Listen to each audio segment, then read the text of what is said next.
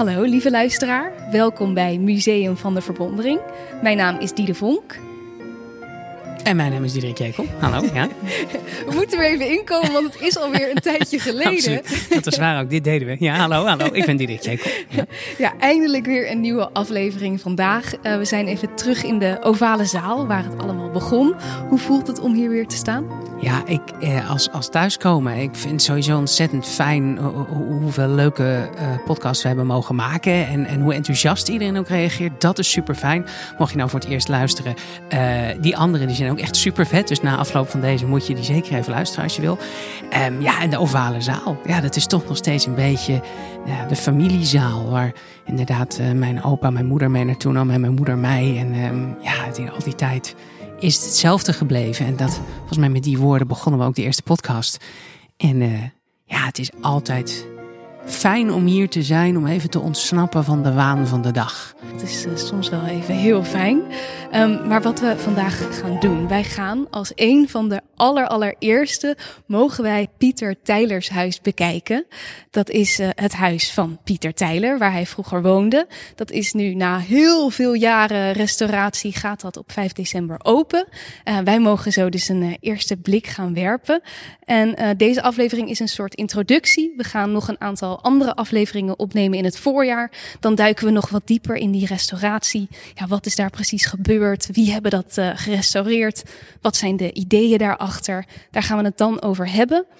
En wat ook wel goed is om te zeggen, is dat het niet alleen een gerestaureerd huis is, maar het is ook echt een plek voor reflectie. Om na te denken over die verlichtingsidealen. En ja, hebben we daar vandaag de dag nog iets aan? Uh, wat nemen we mee en wat niet? En uh, daar gaan we het zo uitgebreid over hebben, denk ik. En we spreken vandaag Marjan Scharlo. Zij is 20 jaar directeur geweest van Tijlers Museum en stond aan het roer van de enorme restauratie van Pieter Tijlers huis. Dus zij kan ons daarvan alles over vertellen. Ja, we zijn bij de Ovale Zaal, terug op de plek waar we begonnen. Um, dat Pieter Tijlers huis. Misschien is het wel goed om nog even terug te komen op wie was Pieter Tijler ook alweer. Ja, dat, dat lijkt me heel goed. Ja, voor, voor de ovale zaal, als de mensen nog niet zijn geweest. Uh, ja, het is een, een houten zaal, prachtig afgewerkt. En hier zie je allemaal oude instrumenten staan. En um, eigenlijk is dit de plek wat een beetje het eindpunt was. Want vroeger uh, kwam je dus binnen aan de kant van het Pieter Tyler huis. Uh, liep je door een lange gang en kwam je uiteindelijk hier uit. En hier staan alle voorwerpen van het museum eigenlijk uitgestald. En kwam uh, een eeuw daarna er een heel museum om die ovale zaal heen eigenlijk. En ja, Pieter Tyler uh, was de aanstichter eigenlijk van het museum. Hij was, was uh, ondernemer, hij leefde in de 18e eh, eeuw. En hij was echt zo'n verlichtingsman. Hij wilde bijdragen aan, aan kennis en kunde om de wereld beter te maken. En dat uiteindelijk de, de mensen allemaal meer mee konden doen, zichzelf kunnen verrijken, vergroten groter, slimmer kunnen worden.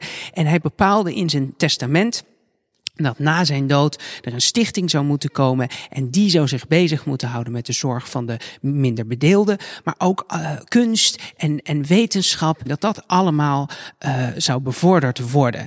Nou, um, zijn huis zou voor altijd het hoofdkwartier van die stichting moeten zijn en inmiddels wordt dat huis dus weer betrokken bij het museum, maar niet in de zin van dat het een, een, een museumplek weer wordt op een klassieke manier met, met allerlei uitgestalde uh, dingen of zo. Maar inderdaad, wat jij al zei, een soort plek van reflectie om na te denken. Het is een werkhuis waar een, een artist in, in residentie uh, in kan komen. Vroeger was het de bedoeling dat de directeur eigenlijk daar uh, zijn, zijn intrede nam.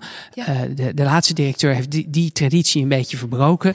en, en ja, op zich ook wel begrijpelijk. Ze zei, ja, je moet ook op een gegeven moment natuurlijk gewoon naar huis kunnen gaan. Ja. Even, even los van, van je werk. Anders slaap je in je werk. Dat lijkt me ook wel heftig, ja. Dat is heel heftig. Nou ja, en die zei ook geloof ik dat de, de vorige directeuren daar met een wapen onder hun kussen uh, dan, dan aan het slapen waren. en, en ja, dat, dat is natuurlijk ook niet helemaal meer van, van deze tijd. En het mooie is ook dat als het niet meer zo'n directeurshuis is, dat je het ook echt terug kan geven aan de gemeenschap, aan de mensen in Haarlem, aan wie er wil komen, aan wie er wil werken, wie wil nadenken. Want dit, dit hele museum is sowieso uh, nooit opgericht om puur alleen een museum te zijn. Ook een plek waar uh, kunstenaars kunnen komen om te leren, uh, waar wetenschappers kunnen komen om te leren. Dus het is echt meer een, een werkplek wat dat betreft dan puur een museum zoals het Rijksmuseum of het Stedelijk of wat dan ook. En dat, dat kan je dus nu in dit huis, wat dus weer open gaat, ga je dat dus zien. Ik barst van de, de, nieuwsgierigheid. Ik weet niet hoe het met jou zit, maar ik zeg, uh, laten we naar binnen gaan. Ik ben heel erg benieuwd. We stappen nu Pieter Tijlers huis in. Vanuit de ovale zaal, zoals de mensen straks ook naar binnen gaan. Door die mooie uh, eikenhouten deuren.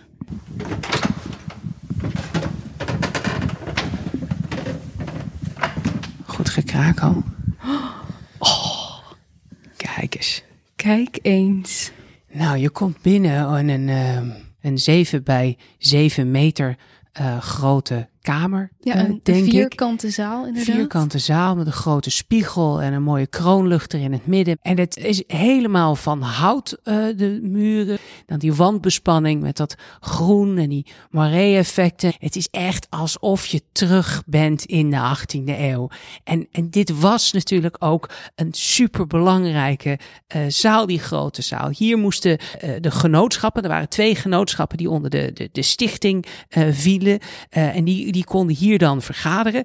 Uh, het ene genootschap die moest zich bezighouden met allerhande stoffen en materiën tot den christelijke godsdienst en burgerstaat. um, uh, oftewel een soort uh, geloofsgenootschap die daarmee bezig was. En de andere, de natuur, dicht, historie, teken en pennenkunde. Dat is de andere genootschap. Dat is waar we tot nu toe natuurlijk het meeste over gehad hebben. Nou, en als je dan, je komt dan van de ovale zaal in de grote zaal, die nu weirdly enough dus minder de grootste zaal is. Minder groot dan de ovale zaal. Dus je denkt even van, oh, grote, ja, kleinere zaal dan de ovale. Maar... maar... oorspronkelijk was het natuurlijk andersom. Je moet je zo voorstellen, als je dan doorloopt, dan zie je daar een, een 30 meter lange uh, marmeren gang. Ja. Prachtig. En dan aan het einde zit daar de Damstraat, de, de deur. Dan belde je aan en dan moest je, door de, moest je daar even wachten. Dan ging je door die lange uh, gang heen. Als je dan door de genootschappen ontvangen zou worden. En je komt binnen en dan, dan kom je hier in die statige ruimte.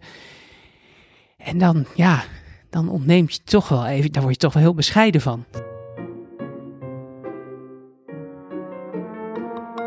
Op die uh, grote wandbespanning, daar staan vier verschillende quotes. En die quotes, die, die zetten je gelijk tot een soort nadenken aan. Ja, die, die hebben dus echt alles met, met dat verlichtingsideaal uh, hebben die te maken. Uh, ik denk eengene die, die je waarschijnlijk uh, misschien wel zou kunnen herkennen. Um, dat is die van de onafhankelijkheidsverklaring van de Verenigde Staten. Daar staat: We hold these truths to be self-evident, that all men are created equal that they are endowed by their creator with certain inalienable rights, that among these are life, liberty and the pursuit of happiness. Oftewel, wij beschouwen deze waarheden als vanzelfsprekend, dat alle mensen als gelijke worden geschapen, dat zij van de schepper bepaalde onvervreemdbare rechten hebben gekregen, waaronder het recht op leven, op vrijheid en het nastreven van geluk. Ja, en dat past natuurlijk precies bij wat Pieter Tijler ook heel graag wilde. Dat nastreven van geluk en van, van kennis, van dat ieder mens daar recht op heeft. Ja, hij was natuurlijk heel erg bezig ook om de armeren in de samenleving, die hebben dezelfde rechten om zichzelf te kunnen ontplooien. En dat, dat is in de maatschappij, en dat is vandaag de dag natuurlijk nog steeds een, een, een heel erg groot probleem. Eh, dat is natuurlijk niet voor iedereen zo.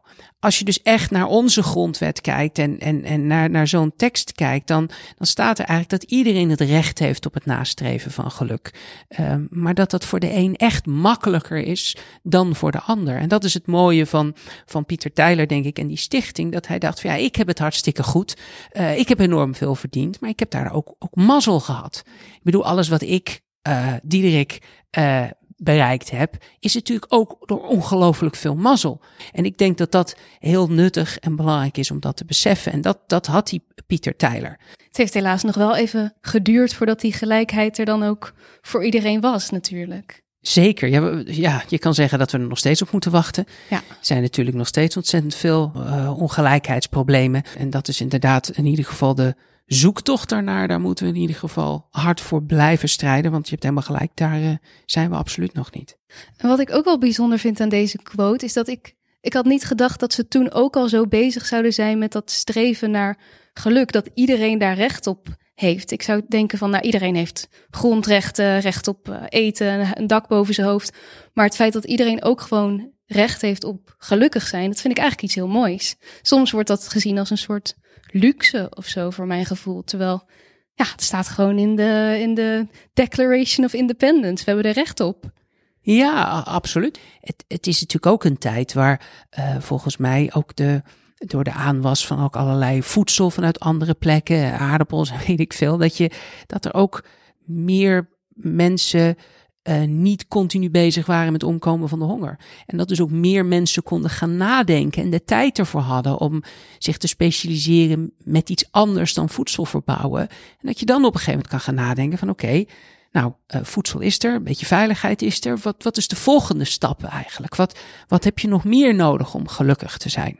Um, en ik denk dat dat een beetje in deze tijd uh, naar voren komt. We hebben nog drie andere quotes hier. Ja, ja, uh, absoluut. De, ja, de volgende uh, van, van Immanuel Kant. Ja, uh, habe Mut, dich deines eigenen Verstandes zu bedienen. oftewel, heb de moed om je eigen verstand te gebruiken. De reden dat mensen misschien niet hun volle verstand gebruiken nog, volgens Kant, is niet zozeer dat ze dat niet kunnen, dat ze te dom zijn, maar dat het, dat het luiheid is of, of lafhartigheid, een gebrek aan moed om jezelf niet te ontplooien en voor jezelf na te denken. Dus als hij zegt, heb de moed om je eigen verstand te gebruiken, dan geeft hij daar dus bij aan van ja, dat is het grootste wat ons nu nog in de weg staat. Dat je uh, dapperheid nodig hebt om tegen misschien wel de gevestigde paden in te gaan of om oorspronkelijke eigen uh, uh, gedachtes te hebben. Um, hij was zo heel erg bezig om te, te na te denken over wat kun je nou daadwerkelijk weten en wat niet. Over de, uh, de metafysica, wat, wat kun je nou uh, empirisch controleren, experimenteel toetsen. Dat is natuurlijk ook iets wat hier heel veel gebeurt. Er zijn heel veel apparaten hier die gemaakt zijn om, om dingen experimenteel te toetsen en te bevestigen en te verifiëren. En hij was heel erg bezig met van, goh, wat kan je überhaupt wel uh, weten en wat niet. Dus, dus hij was um, heel erg bezig om over dat soort dingen na te denken. En aanmoedigen van kunst en wetenschappen, zelf kritisch nadenken, onderzoek doen. Dat zat heel erg in die quote van Manuel Kant. En dat is natuurlijk ook precies voor Pieter Tijler erg belangrijk. En ook weer heel relevant vandaag de dag. Want soms is dat ook heel moeilijk als iedereen in je omgeving zegt: het is rechts. En jij denkt, maar misschien kan het ook links zijn. Absoluut, absoluut. Ik bedoel dat we hebben, we zijn ontzettend kuddedieren met z'n allen. Dus het is heel erg uh, verleidelijk. Het is heel erg ontspannen om gewoon mee te gaan met de stromen. Nu krijg, is het misschien nog wel relevanter, omdat we alleen nog maar meer informatie over ons heen krijgen met ja. social media. En daar zit natuurlijk ook heel veel uh, onzin tussen. Ja. En het is heel erg moeilijk om soms dat soort dingen van elkaar te onderscheiden. En wat ik er ook wel interessant aan vind, is dat het ik ben het eens met deze quote, maar aan de andere kant hebben we ook juist het gehad over die encyclopedieën en al die kennis die er al is. Dus je hoeft het ook niet allemaal in je eentje te gaan zitten uitzoeken. Je kunt juist ook mee op de, de kennis die er al is, toch?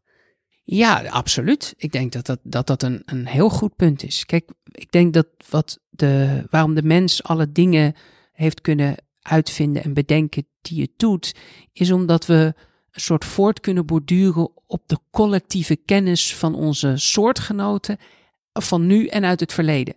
Dus wat dat betreft heb je helemaal gelijk. Dat vooruitgang zou zeker niet zijn waar het nu is, als we niet konden leren van al onze soortgenoten. Ik, denk dat in die zin uh, dat Kant het waarschijnlijk over iets anders had dan dat soort misschien, als dat bestaat, feitelijke objectieve kennis.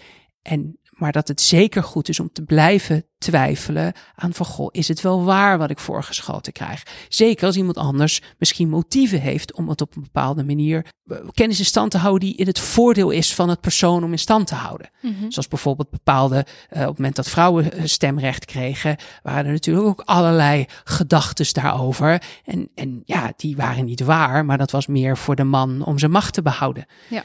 Uh, dus ik denk dat het daar voornamelijk heel goed is om wel kritisch tegenover te staan. Dat brengt ons ook bij de derde quote, denk ik, die encyclopedie. Ja, de encyclopédie au Dictionnaire raisonné des sciences, des arts et des métiers. Absoluut. um, Diderot uh, en zijn encyclopedie, we hebben het er heel uitgebreid over gehad. Het, het, staat voor het aanmoedigen van de kunsten en de wetenschappen. Nou eigenlijk alle kennis van de wereld van dat moment te verzamelen. Met als doel om die kennis door te geven. En dat is natuurlijk waar we het net over hadden. En de quote die, die hier staat, ik zal het proberen uh, om het in mijn uh, Frans op te lezen. Le but d'une encyclopédie. Dus het doel van een encyclopedie est de rassembler les connaissances éparses sur la surface de la Terre. Dus het doel van een encyclopedie is om de kennis te verzamelen die verspreid is over de hele wereld. D'en exposer le système général aux hommes avec qui nous vivons. Um, er dus een, een algeheel, algemeen systeem van te laten zien aan onze tijdgenoten. Um, et de la transmettre aux hommes qui viendront après nous. Um, oftewel, deze aan de tijdsgenoten door te geven en aan de mensen die na ons komen. Ja, en voor wie dat Frans toch nog een beetje lastig is, um, de quotes hangen er gelukkig in uh, meerdere talen. Ah, absoluut. Dus, uh, dat absoluut. Dat is heel goed om bij te zeggen. En in het, in het Duits, in het Engels, uh, absoluut. Zeker. Maar dus, dus je ziet hier dat, dat dus, dus die kennis vergaren die overal is en dat door te geven aan de mensen die nakomen. En, en dat is natuurlijk ook weer precies het, het verlichtingsideaal en wat Tyler ook wilde. Kennis verspreiden en mogelijk maken aan zoveel mensen over de kunst en over de wetenschap. Ja, dan komen we bij de laatste Een quote van, van uh, Aagje Deken, oftewel Agatha Pieters Deken. Um, en um, zij was een, uh, een bekende Nederlandse schrijfster. Haar uh, quote is: Laat ons als Jezus leven met oordeel, blij en overvloedig geven. Oftewel, hier is het kernwoord deel het. Um, hoop ik althans, dat is mijn interpretatie. Wees blij met wat je hebt. Wees dankbaar wat je gegeven is. Op het moment dat je te veel te eten hebt, bouw dan niet een hogere muur, maar een grotere tafel, uh, zegt men wel eens. Ik denk dat dat ook hier heel erg in zit. Wees dankbaar voor wat je gekregen heeft. Dat staat helemaal los van de strijd en ellende die je gestreden hebt.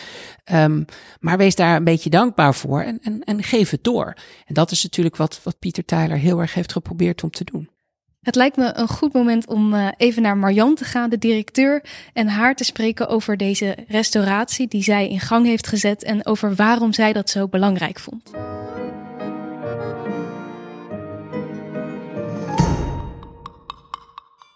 Marjan, uh, hoe is het om hier nu te staan? We zijn hier in Pieter Tylers huis. Het is jouw idee. Het is uit jouw uh, hoofd gekomen, dit alles. Hoe is het om hier nu te staan nu het zo goed als af is? Nou, het is echt een droom die uitkomt. Uh, we zijn er heel erg lang mee bezig geweest. Uh, ruim twintig jaar geleden werd ik hier directeur. En al mijn voorgangers hebben in dit huis gewoond. Uh, dus sinds 1778 heeft er altijd de beheerder gewoond. Ik heb dat niet gedaan. Ik wilde geen veredelde conciërge worden. Dat ben je dan namelijk gewoon. Want als er een probleem is, dan, dan ben je zo onderhand bereikt dat jij het dan mag oplossen. Dus je hebt eigenlijk geen privéleven meer. En mijn voorganger had een alarminstallatie onder zijn bed. En dienstvoorganger had vergunning voor een pistool. Dus ik dacht, moh, moh, moh, niet zo prettig eigenlijk. Dus dit huis was helemaal leeg. En er was dus uh, ook geen bestemming eigenlijk meer zo voor. En het was in een ontzettend afschuwelijke staat. Uh, en beide uh, hebben veel tijd gekost om daarover na te denken. En die tijd hadden we gelukkig, want er was namelijk geen cent. En het was helemaal achter de schermen, dus het publiek miste het ook niet. En we hebben eigenlijk eerst uh, andere dingen moeten doen, zoals het opknappen van de ovale zaal, de schilderijenzaal, de instrumentenzaal. En toen was het zo van, oké, nu zijn we wel klaar om uh, dit enorme project aan te pakken. En het was dus niet alleen dit huis, maar ook het Lorens Lab. en daar hebben we dus vrij lang over gedaan. Alles bij elkaar zijn we sinds 2013 begonnen. En we hebben het hele project in stukjes geknipt, zodat we telkens weer tijd hadden om even na te denken, maar ook om fondsen te werven. En uh, nou ja, het is echt ongelooflijk dat het nu uh, zijn einde nadert. Echt geweldig. Ik ben heel erg blij. Had je je kunnen voorstellen al die jaren geleden dat het er nu zo uit zou zien? Nee, helemaal niet. Uh, en dat komt ook omdat we uh, een hele lange reis hebben gemaakt um, met heel erg veel deskundige mensen. En dat is zo leuk als je aan iets begint waar je eigenlijk geen idee van hebt. Uh, oké, okay, we gaan een huis restaureren. Nou, dan denk je van oké, okay, weet wel ongeveer hoe dat moet. we gaan schilderen, we gaan hier en daar wat plamuren en, en dat is dan wel klaar. Dat klinkt nog redelijk simpel. Dat klinkt simpel, maar zo was het helemaal niet. En dat betekent dus dat er heel veel onderzoek is geweest naar verfsoorten, naar fundering, naar het aanbrengen van uh, wandbespanningen, naar het aanbrengen van verlichting, naar het opnieuw meubileren uh, en naar het nadenken vooral ook over hoe je eigenlijk uh, dit huis straks aan het publiek wil laten zien. Welk verhaal wil je vertellen? En daar hebben we ook gelukkig de tijd voor gehad om daar serieus over na te denken. Dat we het niet een museumhuis wilden laten zijn. Dat dachten we eerst van nou, we gaan alles restaureren terug naar de tijd van Pieter Tyler. Maar dat voelde toch een beetje vreemd, want eigenlijk heeft de betekenis van dit huis pas vleugels genomen nadat hij dood was. Omdat het toen pas het hoofdkwartier van Tijlen Stichting is geworden, waar alle bezoekers de eerste honderd jaar doorheen kwamen. Dus toen voelde het ineens heel erg raar om dat terug te brengen naar uh, Tyler. En toen hebben we gedacht, oké, dus het moet een instituutshuis worden. Daar voelden we ons wat beter bij. Uh, daardoor heeft het ook een ziel. En dat vond ik zo belangrijk om er wel weer een ziel in terug te brengen en niet een niet iets met een stop eroverheen te maken. En ik hoop dus echt ook dat dit huis zo gaat leven strakjes. Ik vind het ook wel heel gaaf. Inderdaad, het is niet zoals een soort paleis met een, een touwtje waar je niet achter mag komen, met een paar stoelen uh, die niemand aan mag raken. Uh, je staat hier wel echt midden ja. in, in de ruimte. Ja, en je mag ook straks weer zitten op de 18e eeuwse stoelen. Je kunt aan tafel gaan zitten en dingen lezen. Uh, en we hopen dat je in gesprek gaat met andere mensen. Dus het moet een beetje gaan leven. En boven hebben we uh, ruimtes voor um, scholieren die programma's gaan volgen over wereldburgerschap en verlichting. En uh, die kunnen niet alleen praten, maar ook gaan tekenen. want we hebben een oud atelier nagebouwd um, op basis van al het materiaal wat we gewoon nog in huis hadden. Want al mijn voor voorgangers waren namelijk kunstenaars. En die hadden dus ook natuurlijk een atelier waar ze schilderden. We staan ook in die ruimte van uh, nou, waar het testament opgesteld is. En wat is dit voor plek? Ja, dit is een, uh, een, een plek met heel veel lagen. En ook daar hebben we dus een besluit over genomen welke laag welk verhaal, welk hoofdstuk we gaan vertellen uh, uit deze kamer.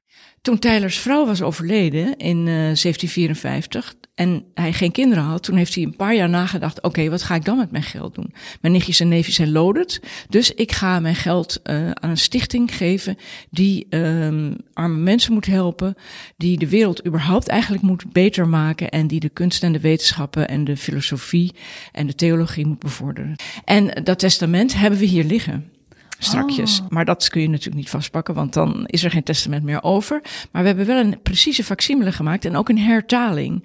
Dus uh, ook als je 18e eeuwse Nederlands niet je van het is, kun je gewoon in normaal Nederlands lezen wat hij eigenlijk bedoelde. En de belangrijkste passages hebben we gehighlight. En, maar dat is niet het enige. Um, wat we ook hebben gedaan in deze kamer is een aantal pamfletten gemaakt van de Tijlers van nu.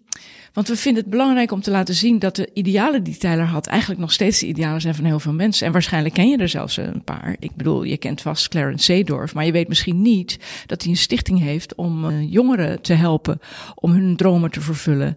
En uh, we kennen natuurlijk allemaal Greta Thunberg, die weliswaar geen geld heeft, maar een echte doener is. Dus wij hebben gekozen een aantal mensen die of gevers zijn, die dus geld geven aan goede doelen, of die doeners zijn om bij te dragen aan een betere wereld. En uh, uh, ja, je kunt, we kunnen ons voorstellen dat we elke twee jaar of zo eens kijken van, goh, moeten er mensen bij komen? Um, ook om dit een levend geheel uh, te laten zijn. En een heel leuk detail om te vertellen is nog wel dat op deze werkelijk prachtig beklede muur ja. met zijde uh, naast ons, daar komt het portret van Pieter Tyler te hangen. En hij um, is afgebeeld, schrijvend, met de ganzenveer natuurlijk, want dat deed men in die tijd. Um, en zijn inkpotje staat op dat schilderij en dat hebben we nog.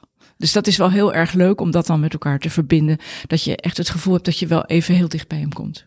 Kan je iets zeggen over het huis als geheel? Hoe hebben jullie al die verschillende kamers aangepakt? Ja, het eerste wat je opvalt als je door dit huis wandelt, is dat je ziet dat elke kamer zijn beste zelf heeft teruggekregen. het is uh, ongelooflijk maar waar. Geen kamer is hetzelfde. Elke kamer die je binnenloopt, heb je van, oké, waar ben ik nu weer beland?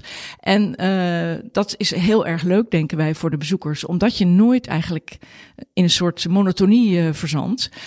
En aan de andere kant is het zo um, dat we op deze manier ook zorgen dat elke kamer zijn eigen verhaal kan vertellen. En dan kun je daarna weer terug naar het museum. En dan snap je het museum ook beter. Wat is voor jou het belangrijkste van die idealen van toen? Welke idealen wil je met dit huis meenemen? Of uh, ja, welk verhaal wil je vertellen? Nou, het verhaal wat ik graag aan mensen wil meegeven is van dat iedereen een tijler in zich heeft eigenlijk. En uh, dat uh, de tijlers van de 18e eeuw natuurlijk hele andere tijlers zijn dan nu. Ik bedoel, we denken over een heleboel dingen uh, wel anders. Uh, maar de kiem is wel gelegd in de 18e eeuw door Tyler. En we vinden het nog steeds belangrijk om mensen te helpen die het minder goed hebben. We vinden het nog steeds belangrijk om uh, onderzoek te doen om de wereld beter te maken. We vinden het nog steeds belangrijk om de kunsten te stimuleren. En daar hebben we nog steeds ieders hulp bij nodig. En iedereen kan een Tyler zijn. En als mensen dat besef een beetje meenemen, ze hoeven echt niet meteen iets te doen. Maar het is misschien een klein zaadje. En als er af en toe eens een gietertje overheen gaat, misschien gaat het dan ontkiemen. En dan ben ik heel tevreden.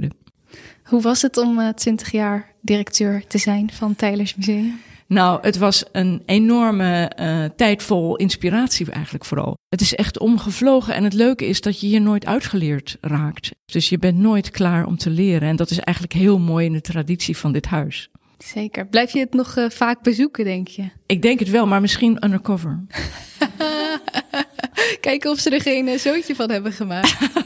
nou, ik weet zeker dat mensen dingen anders gaan doen, maar dat hoort ook zo en dat is goed.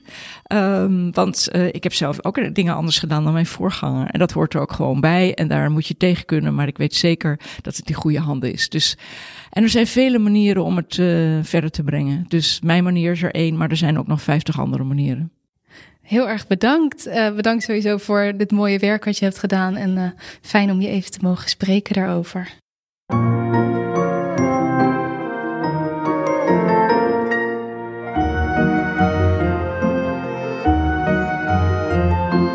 Laten we even die uh, lange hal inlopen met allemaal mooie kamers en even kijken hoe het er daar uitziet. Want daar ga je naartoe als je zo meteen Pieter Tijlers huis ingaat. Dan lopen we nu door de, de prachtige marmeren gang. En dan kom je langs een, uh, een binnenpleintje waar je rood marmeren zuilen ziet. Heel ja. erg mooi. En als je aan, naar boven kijkt, dan zie je echt prachtig mooi stukwerk. En, en ik weet nu, als je thuis denkt, uh, ja, stukwerk, uh, dat heb ik in mijn toilet ook. Hoe bijzonder is dat? Nou, nee, het is hier niet wit strak gepleisterd. Uh, dit, dit is echt, zeg maar, het is wel wit om het lichter te maken, maar het is echt prachtig, sierlijk gemaakt. Um, je, je, ziet uh, hier het trappenhuis op een gegeven moment van het Pieter Tijlerhuis. En dat is zo mooi versierd met allemaal ornamenten. Je ziet, je ziet allemaal klassieke figuren. Prudentia, Justitia, die zitten op wolken. Um, en uh, ja, het is echt adembenemend mooi in detail. En tierenlantijnen en allemaal kleine houten dingen. Alles heeft wel een detail. En als je naar het detail kijkt, dan zie je dat daar weer details in zitten. Volgens mij is dat een beetje wat er aan de hand is. Maar ik kan me voorstellen dat het alleen maar frustrerend wordt als, als wij nog lyrischer zijn. Uiteindelijk moeten mensen gewoon zelf even kijken, ja, denk ik toch? Absoluut. Kom het vooral uh, zelf bekijken. En als je dan een stukje doorloopt langs die mooie trap, dan kom je op een gegeven moment bij de testamentkamer. En, en als je dan nog een stapje voor, doorloopt, ja, dan, dan kom je uh, uit bij een, miniatuur, een, een, ja, ik durf het nauwelijks te zeggen, een soort poppenhuis. Uh, maar dat, dat doet het echt tekort.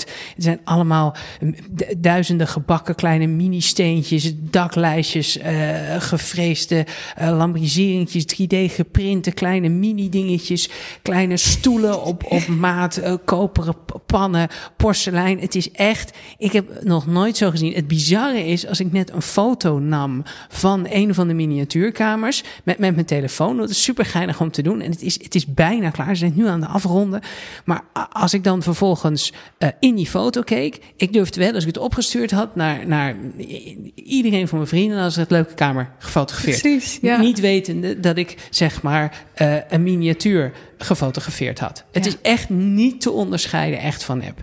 Het is echt ongelooflijk, want bij miniatuur denk je misschien... oh, een klein poppenhuis van 30 centimeter. Maar het is 3,5 meter volgens mij. Het is echt gigantisch. En je ziet ook dan eigenlijk pas in zijn geheel hoe groot dit huis wel niet is. En het vette is dat het gewoon echt een, een, de, de, de tijd even stilstaat. Dus het idee was van oké, op 8 april 1778, de sterfdag van Pieter Thaler. Op dat moment, als je dan een foto had gemaakt van hoe alles eruit zag.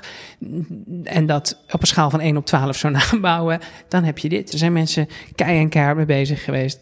Ja, en ik hoop dat we die, en dat gaan we waarschijnlijk ook in de volgende afleveringen nog uitgebreid gaan spreken over hoe je dat dan precies doet. Maar het, de rest van het huis en in elke ruimte is echt zo hard gewerkt door allemaal verschillende mensen die bezig zijn met de kleuren. Hoe vind je nou terug hoe die kleur van een muur er honderden jaren geleden uitzag? Alles is echt tot in detail uitgewerkt.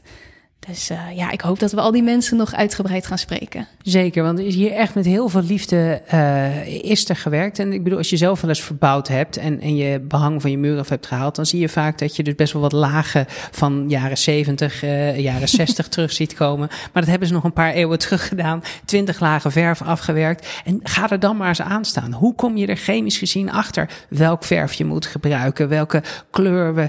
Soms kijken ze naar oude beschrijvingen, bonnetjes uh, allerlei literatuuronderzoek. Dus je kan het zo gek niet verzinnen. En dat is super interessant om eens te kijken hoe ze dat nu hebben aangepakt. Uh, we gaan ons uiterste best doen om nog een seizoen 2 te maken. gaan we ook naar de eerste verdieping toe. Uh, daar zijn nog allemaal tradities en geheimen van het genootschap met deuren met vijf sleutels en sloten van vijf verschillende mensen. Allemaal spanning en intriges.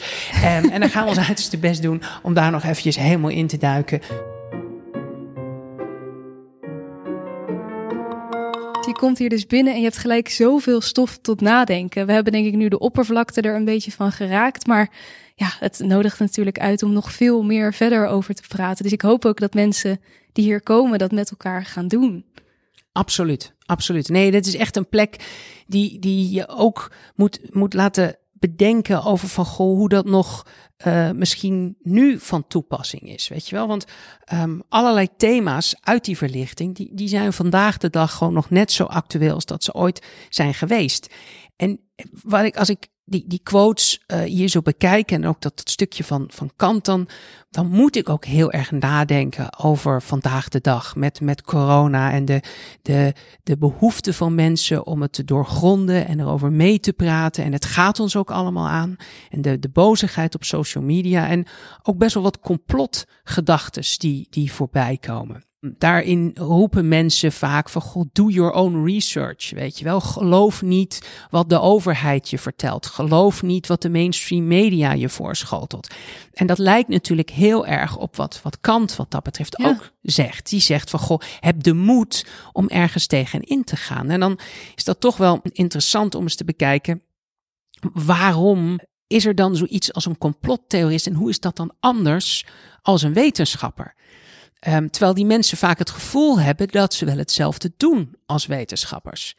En wat een beetje de onderliggende gemeenschappelijke gedachte is, denk ik, is dat wij mensen enorm goede patronenherkenners zijn. Um, op het moment dat je complexe patronen kunt ontdekken, namelijk, dan kun je er ook op inspelen en daar uiteindelijk je voordeel mee doen.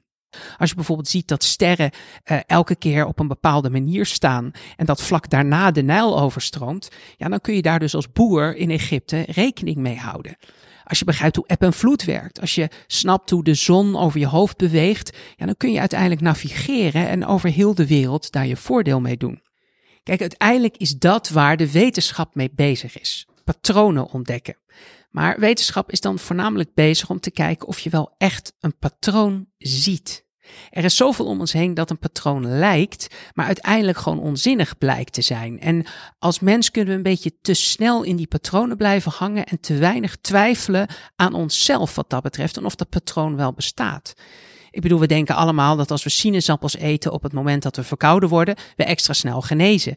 En dat het kraken van knokkels je misschien osteoporose geeft. Dat als je suiker aan kinderen geeft, ze hyperactief worden. Dat je van dierlijke eiwitten sterk wordt. En dat uh, melk je sterke botten geeft. En een veganistisch dieet te weinig eiwit heeft. Dat menstruatiecycli van vrouwen uh, zich aan elkaar aanpassen. Al die dingen worden geloofd door mensen. Maar ze zijn gewoon niet waar. Allemaal niet.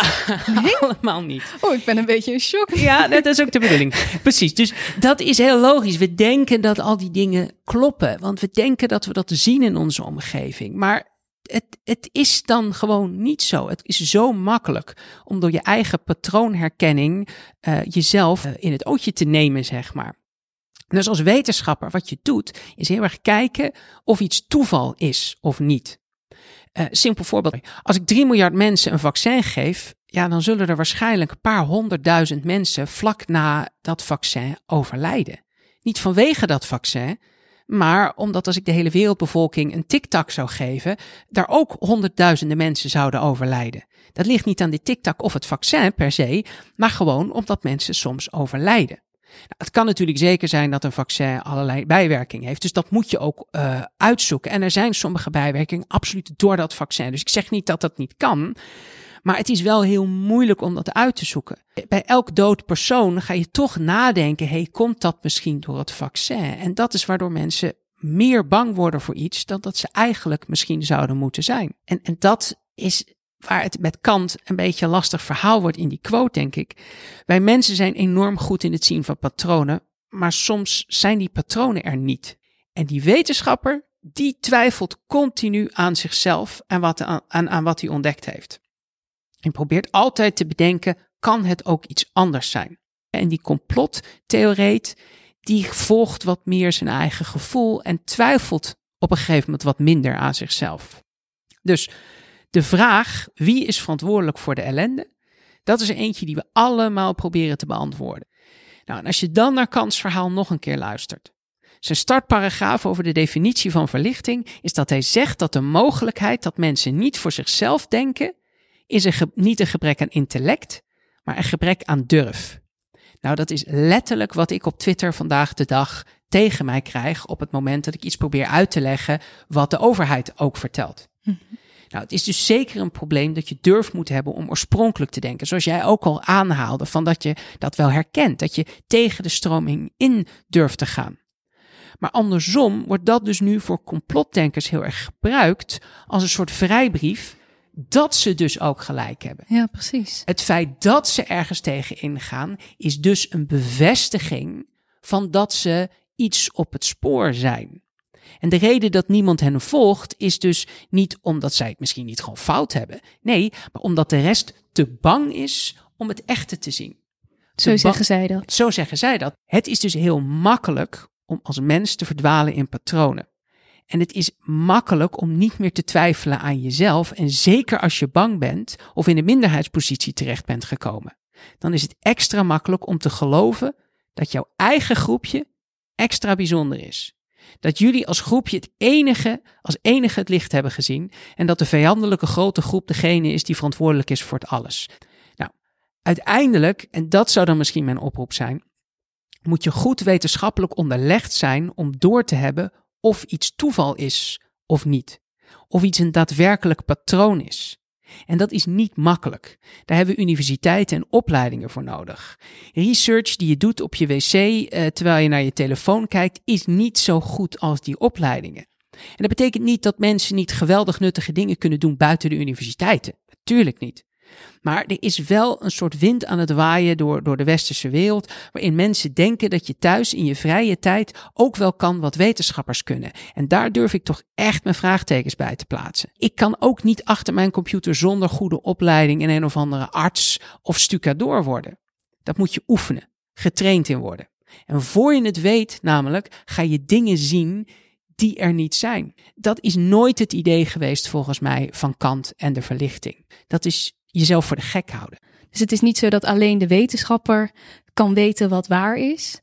Maar je moet niet gaan geloven in je eigen gelijk en je eigen bewijs daarvoor blijven verzamelen. Maar juist kijken naar, hey, Misschien heb ik geen gelijk.